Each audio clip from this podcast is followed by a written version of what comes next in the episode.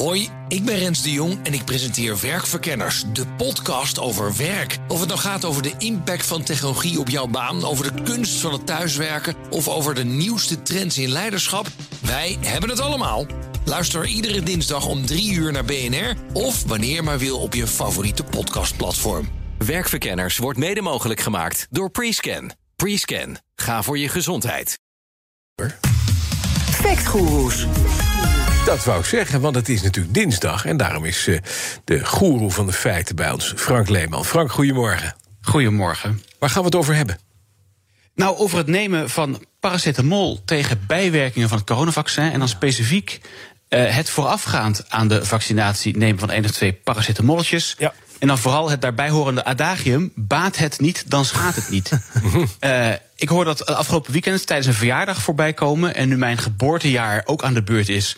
Uh, kwam het ook in WhatsApp-groepjes voorbij. Maar het zat bijvoorbeeld ook in de BNR-podcast uh, Vraag het Gommers. Uh, en er was heel lastig daar een fragment uit te halen... omdat er een uitgebreide context gecreëerd wordt... verspreid over een aantal minuten. Maar in de podcast zegt de heer Gommers eerst... dat er mensen zijn die preventief paracetamol nemen... voordat ze het vaccin, uh, vaccin toegediend krijgen. En dan vertelt hij hoe hij dat ook doet voordat hij naar de tandarts gaat. En dan komen we via een anekdote op de werking van paracetamol... en dan wordt er dit gezegd. Ja, maar het is niet zo dat paracetamol jouw afweerreactie vermindert. Snap je? Het, het vermindert je koorts, het vermindert je uh, spierpijnen... maar het vermindert niet je afweerreactie. Dus ik heb nog opgezocht op de RIVM-site... die ik toch vrij betrouwbaar vind... staat mm-hmm. echt dat je paracetamol mag nemen rond de vaccinatie. Mm.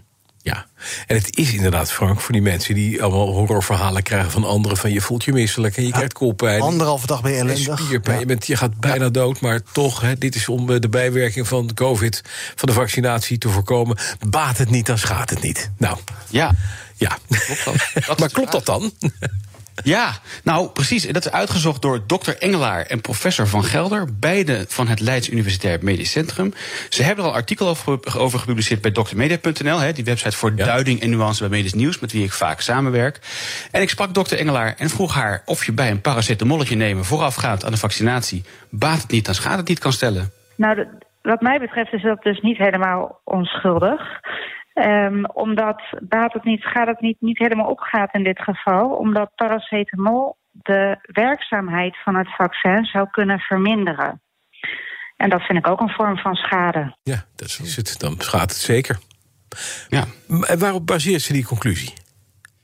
Nou, wat uh, interessant is, en dat wist ik niet, is dat van paracetamol, wat al 50, 60 jaar op de markt is en al volgens mij 100 jaar bestaat, of langer zelfs, ja. eigenlijk onbekend is waarom het werkt. Uh, het, ja, het remt koorts, dus het doet iets met je afweersysteem mogelijk. Ja. Mm -hmm. En nou, die gedachte was onder andere een reden om hierin te duiken. Dus we hebben een literatuurstudie gedaan. Gekeken naar welke onderzoeken zijn er reeds uh, over paracetamol en vaccinaties. En daaruit blijkt het volgende.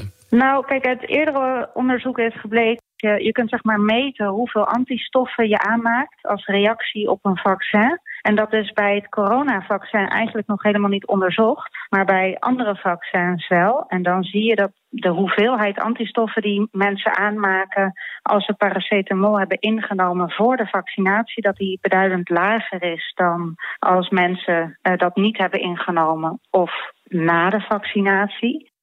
Ja, en zoals al zei, hè, bij het COVID-vaccin is dat nog niet opnieuw onderzocht. Maar ja, daar zit dus een onzekerheid. Ja, uh, tussen die onderzoeken, daar zat ook een RIVM-studie, hè? Ja, een onderzoek naar de hepatitis B-vaccinatie en het effect van paracetamol vooraf mm. daarop.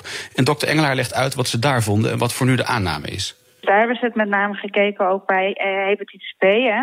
Dan zien ze wel duidelijk dat je dus inderdaad lagere titers hebt. En dan gaan ze ervan uit dat als je dus die lagere titers hebt, je dus ook minder effect hebt van die vaccinatie. Lagere titers, wat zijn dat? Ja, de titer is een manier om uh, een concentratie aan te duiden.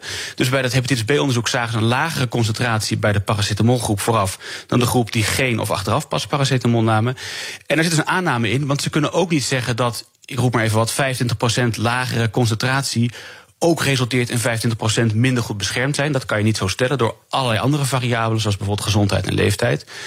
En misschien blijkt later zelfs dat het geen fluit uitmaakt. Maar ja, het is niet gek om te denken dat een lagere waarde een negatief gevolg uh, zou kunnen hebben.